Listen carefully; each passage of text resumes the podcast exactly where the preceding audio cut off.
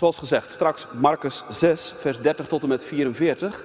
Maar daaraan voorafgaand twee fragmenten uit het Oude Testament. Want in dat gedeelte uit Marcus 6 wordt op allerlei manieren terugverwezen naar gedeeltes uit het Oude Testament. Daar komt straks in de preek ook nog wel iets van terug. En twee van die fragmenten waarnaar Marcus indirect terugverwijst zijn nummerie 27 en Ezekiel 34.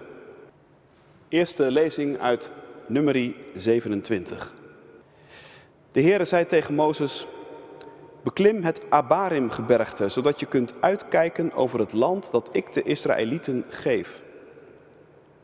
Wanneer je het gezien hebt, zul je met je voorouders verenigd worden, net als je broer Aaron. Dat is omdat jullie in de woestijn van Sin, toen de Israëlieten met verwijten kwamen over water, tegen mijn bevel zijn ingegaan en in hun bijzijn geen ontzag hebben getoond voor mijn heiligheid. Dat was het water van Meribad Kades in de woestijn van Sin. Mozes antwoordde de Heer: Mogen de Heere, de God die aan al wat leeft de levensadem schenkt, dan iemand over het volk aanstellen, die het kan leiden en de troepen kan aanvoeren, zodat het volk van de Heer niet wordt als een kudde schapen zonder herder. De Heer zei tegen Mozes, laat Jozua, de zoon van Nun, bij je komen. Hij is een man die geestkracht bezit. Leg hem de hand op en laat hem plaatsnemen voor de priester Eleazar en voor de hele gemeenschap. Draag in ieders aanwezigheid de leiding aan hem over en laat hem delen in het aanzien dat jij geniet. Dan zal heel Israël hem voortaan gehoorzamen. Tot zover de eerste lezing. Tweede lezing uit de profeet Ezekiel, Ezekiel 34. Daarom, herders, zegt de profeet, luister naar de woorden van de Heer. Zo waar ik leef, spreekt God de Heer, mijn schapen hadden geen herder. Ze werden weggeroofd en door de wilde dieren verslonden. En jullie, herders, keken niet naar mijn schapen om. Jullie hebben alleen jezelf gewijd, maar niet mijn schapen. Daarom, herders, luister naar de woorden van de Heer. Dit zegt God de Heer. Ik zal de herders straffen en mijn schapen opeisen. Zij zullen ze niet meer mogen wijden. Ook zullen ze niet langer zichzelf wijden. Ik zal mijn schapen uit hun mond redden, ze zullen ze niet meer eten. Dit zegt God de Heer. Ik zal zelf naar mijn schapen omzien en zelf voor ze zorgen. Zoals een herder naar zijn kudde op zoek gaat als zijn dieren verstrooid zijn geraakt, zo zal ik naar mijn schapen op zoek gaan en ze redden. Uit alle plaatsen waarheen ze zijn verdreven, op een dag van dreigende donkere wolken. Ik zal ze uit alle volken terughalen en uit alle landen bijeenbrengen. Ik zal ze naar hun eigen land laten terugkeren. En op de bergen van Israël en bij de waterstromen zal ik ze weiden. Overal in het land waar mensen wonen. Ik zal ze laten grazen op goede weiden. Ook hoog in de bergen van Israël zullen ze gras vinden. Op Israëls bergen zullen ze rusten op groen grasland en in een grazige weide. Ikzelf zal mijn schapen weiden en ze laten rusten. Spreekt God de Heer. Marcus 6, vers 30 tot 44. De apostelen kwamen weer terug bij Jezus en vertelden hem over alles wat ze gedaan hadden en wat ze de mensen onderwezen hadden. Hij zei tegen hen: Ga nu mee naar een eenzame plaats om alleen te zijn en een tijdje uit te rusten. Want het was een voortdurend komen en gaan van mensen, zodat ze zelfs niet de kans kregen om te eten. Ze voeren met de boot naar een afgelegen plaats om daar alleen te kunnen zijn. Maar hun vertrek werd opgemerkt en velen hoorden ervan. En uit alle steden haasten de mensen zich over het land naar die plaats en kwamen er nog eerder dan Jezus en de apostelen. Toen hij uit de boot stapte, zag hij een grote menigte en voelde medelijden met hen, omdat ze leken op een kudde zonder herder. En hij onderwees hen langdurig. Toen er veel tijd was verstreken, kwamen zijn leerlingen naar hem toe en zeiden: Dit is een afgelegen plaats en het is al laat, stuur hen weg. Want dan kunnen ze naar de dorpen en de gehuchten in de omtrek gaan om eten te kopen. Maar hij zei: Geven jullie hen maar te eten. Ze vroegen hem: Moeten wij dan voor 200 denari brood gaan kopen om hun eten te geven? En toen zei hij: Hoeveel broden hebben jullie bij je? Ga eens kijken. En nadat ze waren gaan kijken wat ze bij zich hadden, zeiden ze: Vijf en twee vissen. Hij zei tegen hen dat ze de mensen opdrachten moesten geven om in groepen te gaan zitten. Ze gingen zitten in groepen van honderd en groepen van vijftig. En hij nam de vijf broden en de twee vissen, keek omhoog naar de hemel, sprak het zegengebed uit, brak de broden en gaf ze aan zijn leerlingen, om ze aan de menigte uit te delen. Ook de twee vissen verdeelde hij onder allen die er waren. Iedereen at en werd verzadigd. En ze haalden de overgebleven stukken brood op, waar wel twaalf manden mee konden worden gevuld. En ook wat er over was van de vissen. Vijfduizend mensen hadden van de broden gegeten. Gemeente van Christus. Zijn stem door de telefoon klimt anders dan ik gewend ben. Meestal neemt hij vrolijk op, luidruchtig haast met zo'n grote goeiemorgen lang niet gezien uithaal. Maar dit keer niet. Hoe gaat het vandaag met je, vraag ik. Je klinkt zo. Hij valt me in de reden. Somber wilde je zeggen zeker. Nou, dat ben ik ook. Weet je, het wordt me allemaal gewoon wat te veel op het moment. Het stapelt zich maar op. Thuis onderwijs geven, mijn werk doen, vaak in de avonduren tussen de bedrijven door. Die hele coronadeken die overal overheen hangt. En nu ook nog deze week slecht nieuws over mijn moeder. Alsof ik de hele wereld op mijn nek kan hebben. Ik zou er graag even tussenuit willen. Gewoon even geen sores aan mijn hoofd, geen moeilijke gedachten, even niemand om me heen die iets van me wil of nodig heeft. Even uit die hele rollercoaster en gewoon een poosje niks.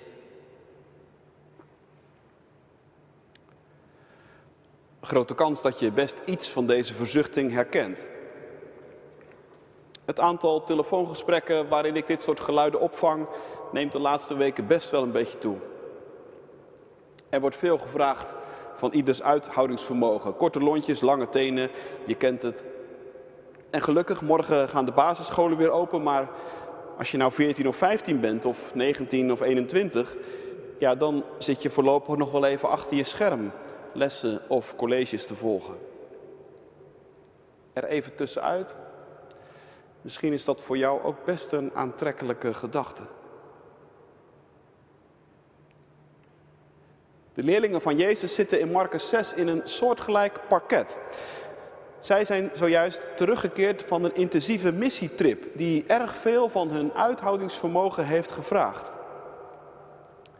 En alsof dat nog niet genoeg was, kwam daar ook nog het slechte nieuws over de dood van Johannes de Doper overheen. Johannes, de eerste missionaris, bruut ter dood gebracht. Dat zal er zeker ingehakt hebben. Als je er al toch niet zo best voor staat, ja, dan kun je dat soort berichten er eigenlijk niet bij hebben. Jezus ziet dat. Hij ziet die vermoeidheid in hun ogen en hij zegt, weet je, we gaan er even tussenuit. Dat zal jullie goed doen. Er is veel gebeurd en het blijft hier maar een komen en gaan van mensen. De boog kan niet altijd strak gespannen staan. Wij zoeken een rustige plek op en wij lassen een pauze in. Maar wat een ironie. Als ze in het schip gegaan zijn over het meer van Galilea en daar ergens op een strand naderen, blijkt het daar drukker dan ooit. Als het schip aankomt op de plek van bestemming, staat het strand helemaal vol. Zo ongeveer de nachtmerrie van iedere bekende Nederlander die even rustig op skivakantie wil en hoopt dat de paparazzi het nu een keer niet in de gaten hebben. Velen herkenden hem, schrijft Marcus, en uit alle hoeken en gaten zijn ze toegestroomd. Ik ben wel benieuwd wat er door de hoofden van die leerlingen in de boot geschoten is toen ze dit zagen gebeuren. Slechte film, zal er eentje gedacht hebben. Waar is de uitgang? Kunnen we nog terug? Wie weet. Maar wat doet Jezus? Jezus, zegt Marcus, stapt uit de boot en raakte met innerlijke ontferming over hen bewogen. Dat is die prachtige oude uitdrukking die in de evangelie alleen maar over Jezus wordt gezegd.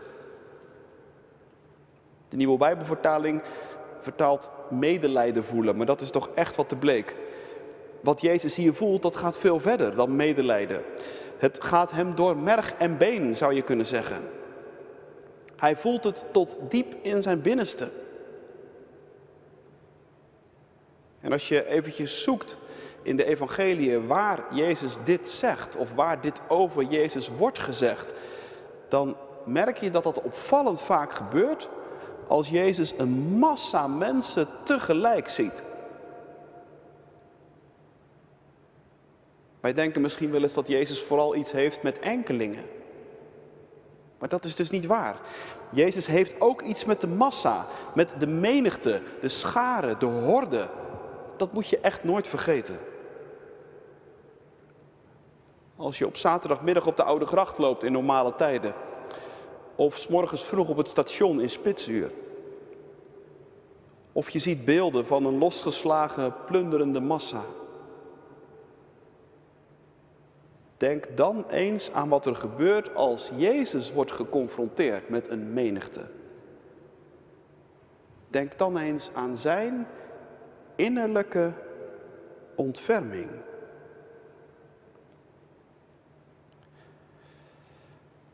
Nou ja, wat raakt hem dan zozeer, zeg je? Dat ze zijn als schapen zonder herder, schrijft Marcus. En dat is een beeld dat in het Oude Testament verschillende keren terugkomt. Je kent het vast. Schapen met herder komen voor, maar zeker ook schapen zonder herder. Als de Heer je herder is, zegt Psalm 23, dan ontbreekt het je aan niets. Maar als je geen herder hebt, ja, dan ontbreekt het je in feite aan alles. Daarover ging het in Ezekiel 34. Over een kudde schapen die als een losgeslagen, verstrooide bende geworden is. Omdat er niemand is die leiding geeft. Omdat er niemand is die de richting en de koers echt uitzet. Schapen zonder herder, die leven wel, maar weten eigenlijk niet goed waarvoor. En doen van alles, maar weten niet goed waarom. Zolang dat allemaal een beetje rustig zo doorgaat in je leven, kun je dat lange tijd niet in de gaten hebben. Maar zodra het spannend wordt, wordt dat anders. Zodra zich het een op het ander stapelt, zodra zich een crisis aandient of er langere tijd veel van je uithoudingsvermogen wordt gevraagd, dan kan het zomaar ineens door je hoofd schieten. Waar is iemand die me vertelt welke richting het uit moet? Wie wil er voor mij herder zijn? Misschien niet helemaal jouw taal om het zo te zeggen, maar je zult het toch snappen. Het is bepaald geen achterhaalde vraag. Veel millennials liggen van deze vraag wakker, hoorde ik laatst van iemand die daar veel onderzoek naar deed. Juist heel veel jonge mensen verlangen naar richtinggevende figuren. En dat is wat anders dan een coach die je helpt om het beste uit jezelf te halen of het lezen van een zelfhulpboek. Het is veel meer het verlangen naar een mentor, een gids. Het verlangen naar iemand die iets weet van God en van het leven. Maar waar is nou zo iemand te vinden? Hier, zegt Jezus. Ik ben het. De goede herder. Het raakt me als ik het zie. Schapen zonder herder. En, prachtig om te lezen, Jezus voegt meteen ook de daad bij het woord. Hij begon hun veel dingen te onderwijzen, staat er. Het een na het ander. Ik zie het helemaal voor me. Een geraakte en gepassioneerde Jezus die zich helemaal geeft aan de mensen omdat ze hem zo aan het hart gaan. En de mensen die aan zijn lippen hangen, omdat ze eindelijk woorden horen die er echt toe doen. Woorden die veel verder en veel dieper gaan dan het dagdagelijkse gebabbel. Het vluchtige, waar iedereen eventjes vol van is, maar dat ook met dezelfde vaart weer verdampt is. Jezus onderwijst, staat er. Jezus onderwijst de dingen van God. En als Jezus onderwijst, dan gebeurt er wat.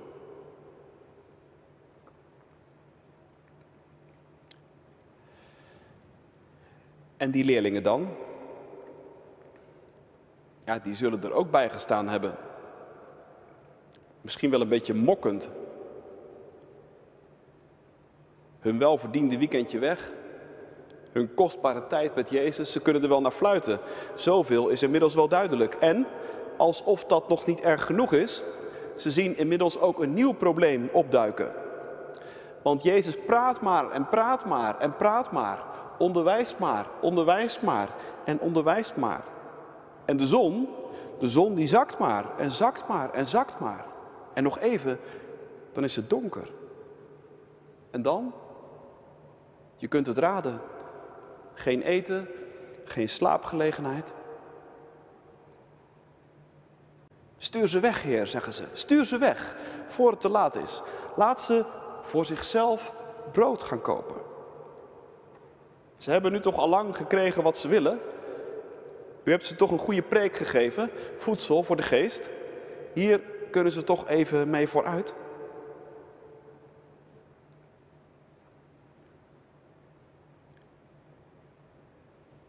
Ik ben eerlijk gezegd wel heel benieuwd om wie die leerlingen zich nu echt het meest bezorgd maakten. Stel je voor dat jij ertussen stond. Waar zou je je het meeste zorgen om maken? Om het lot van die mensenmassa? Om Jezus? Of hij dit wel vol zal houden? Of misschien, als je eerlijk bent, toch het meest om jezelf. Want ja, zoveel weet je inmiddels ook wel. Met Jezus sta je telkens weer voor verrassingen. Straks zegt hij nog, uh, ja inderdaad, je kon erop wachten. Daar klinkt zijn stem al. Geven jullie hen maar te eten, zegt hij. Ja, zeg, alsof we dat er ook nog bij kunnen hebben. Wij hebben al die mensen hier toch niet naartoe gehaald. Wij kwamen hier voor onze rust. Daar komt al niks van terecht. En nu zijn al die mensen ineens ook nog ons probleem geworden. 200 penningen. Dat wil zeggen 200 daglonen, zeven maanden salaris. Dat hebben we op zijn minst nodig om hier iets te kunnen betekenen. En dan hebben we het nog niet eens over transport en logistiek.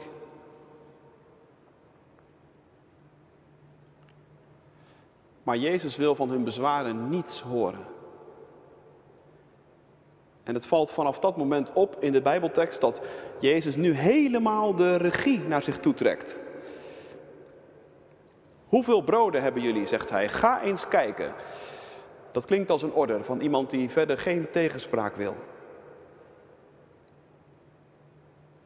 En nauwelijks hebben ze de schamele oogst binnengehaald. Vijf broden, twee vissen, meer niet.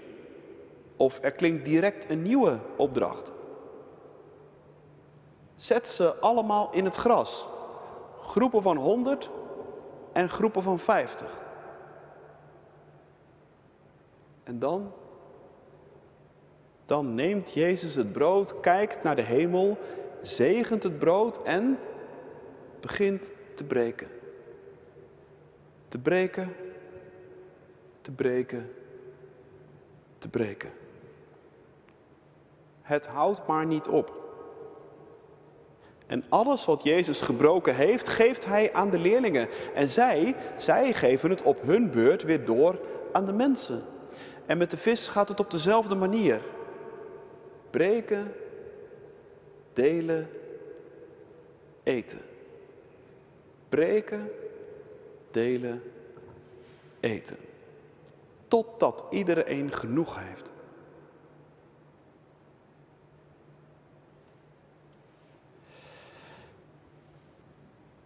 Ja. Ik kan me voorstellen dat je dit beluistert en dat je zegt, dit verhaal ken ik. Dat heb ik al heel vaak gehoord. Ik ken het vanaf mijn jongste jaren. Maar wat gebeurt hier nou eigenlijk? Wat heeft dit allemaal te betekenen?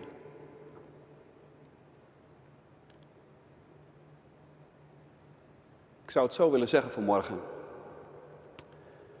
Wat hier gebeurt is de divine economy, de goddelijke economie.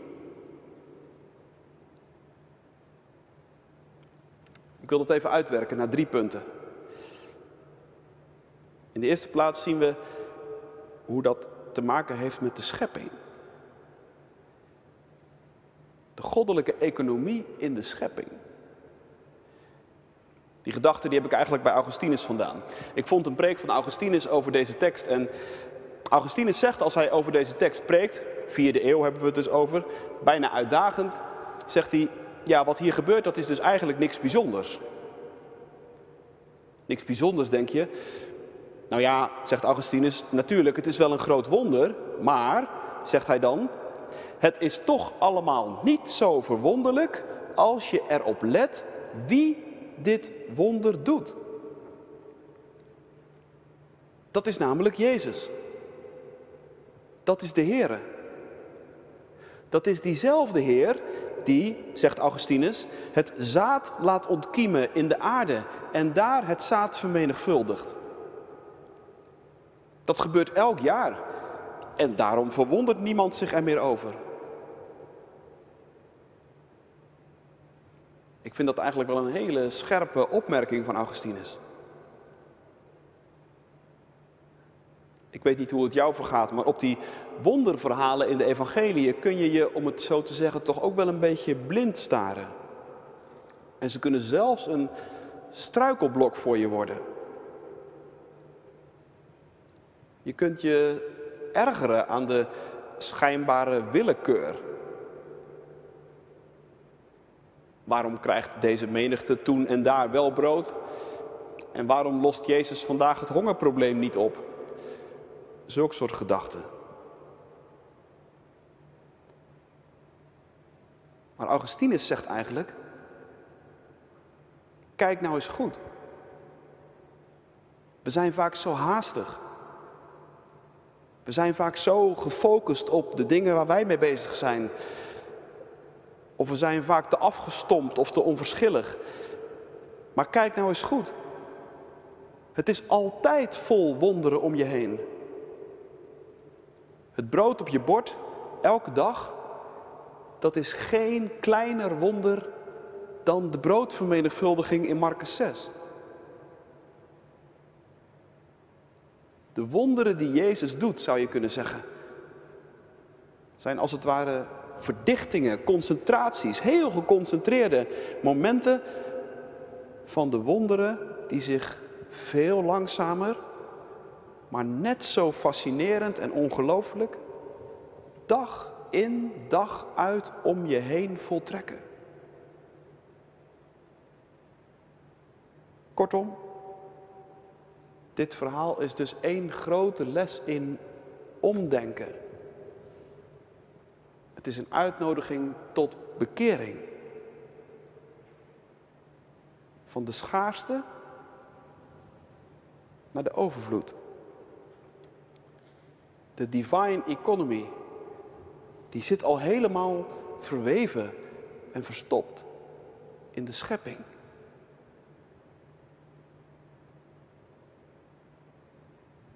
Maar er is nog meer. De divine economy heeft ook alles met Jezus te maken. Dat wil dit verhaal ook zeggen.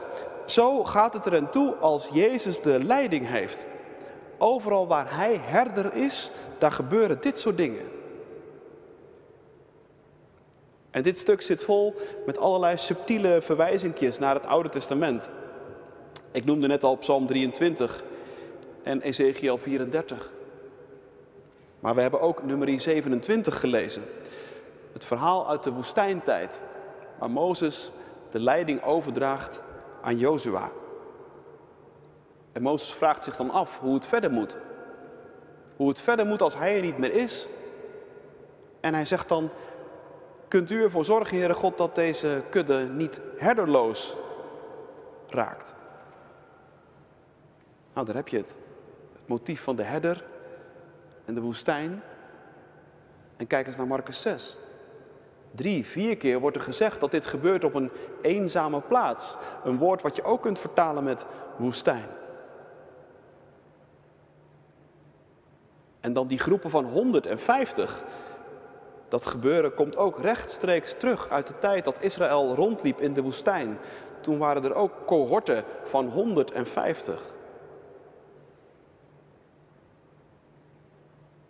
En bij de woestijntijd horen natuurlijk de vijf boeken van Mozes. En ik dacht, zou het nou echt helemaal toevallig zijn dat er vijf broden zijn in Marcus 6?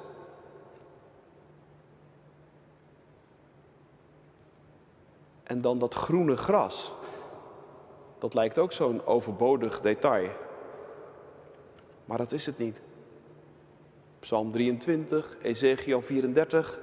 Het komt allemaal voor. En Marcus wil ons dus op allerlei manieren laten zien dat als God dichtbij is, als Jezus de leiding neemt, als de nieuwe Jozua, dat dan de woestijn zal bloeien als een roos. En dat er dan volheid is en overvloed. Vijf plus twee is zeven. Dat is de volheid van Jezus. Waar Jezus is, daar is overvloed. En je ziet het. Aan het eind zijn er nog twaalf manden vol met brood over. En ze worden door de leerlingen ingezameld. Er is werkelijk meer dan genoeg voor iedereen. Dit is de divine economy. Als de goede herder de leiding geeft, neemt. Als de goede herder voorop gaat. Als hij zich laat raken diep in zijn binnenste. Als hij gaat breken en delen, dan vermenigvuldigt het zich waar je bij staat.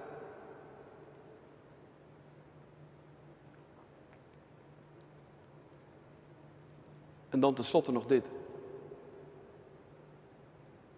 Dit gebeuren laat in de derde plaats zien hoe de divine economy werkt in de kerk. Dit gebeuren laat ook zien wat discipelschap is. Dit hele gebeuren begon namelijk met die vermoeide leerlingen, weet je wel, die wel even een poosje niks konden gebruiken. En dit is dus een enorme opsteken voor jou.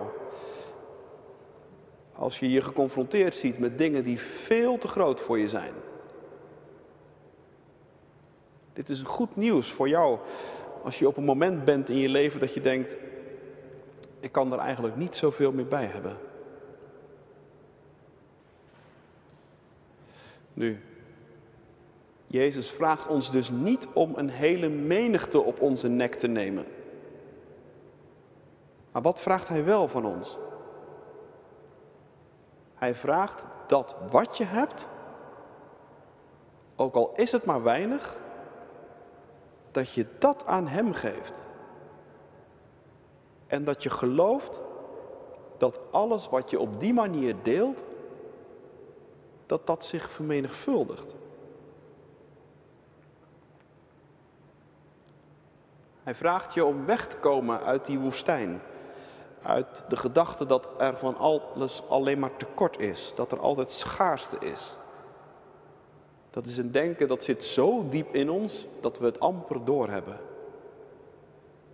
En hij nodigt je vervolgens binnen in zijn wereld van de overvloed. En zijn vraag aan jou is: wat heb je te bieden? Nou, zeg je misschien weinig dus. Misschien een klein stukje tijd en aandacht. Af en toe een gebrekkig woord wat ik probeer te zeggen. Misschien wat geld. En als je dat nou afzet tegen de omvang van de problemen waar we met elkaar tegenaan lopen, dan is dat natuurlijk helemaal niks. Geeft niks, zegt Jezus. Breng het bij mij. En in zijn handen wordt het meer. Die ervaring ken je toch ook? Ik doe die ervaring gelukkig geregeld op. Dat is een van de dingen die het zo geweldig maken om dominee te zijn. Schamele woorden die je staat te zeggen. En waarvan je merkt dat Jezus ze in zijn handen heeft genomen en ze vermenigvuldigt op een manier die je niet bedacht had. Iets delen van tijd en aandacht, van dingen die je gekregen hebt. Het lijkt allemaal weinig, maar in de handen van Jezus en van zijn geest wordt het meer. En wij mogen daarvan uitdelen. Zoals de leerlingen van Jezus uitdeelden. En alleen dan, alleen dan zullen we het ook merken dat er bij God overvloed is. En dat Hij ons niet te weinig, maar echt veel te veel heeft gegeven. Lof zij u, Christus, in eeuwigheid. Amen.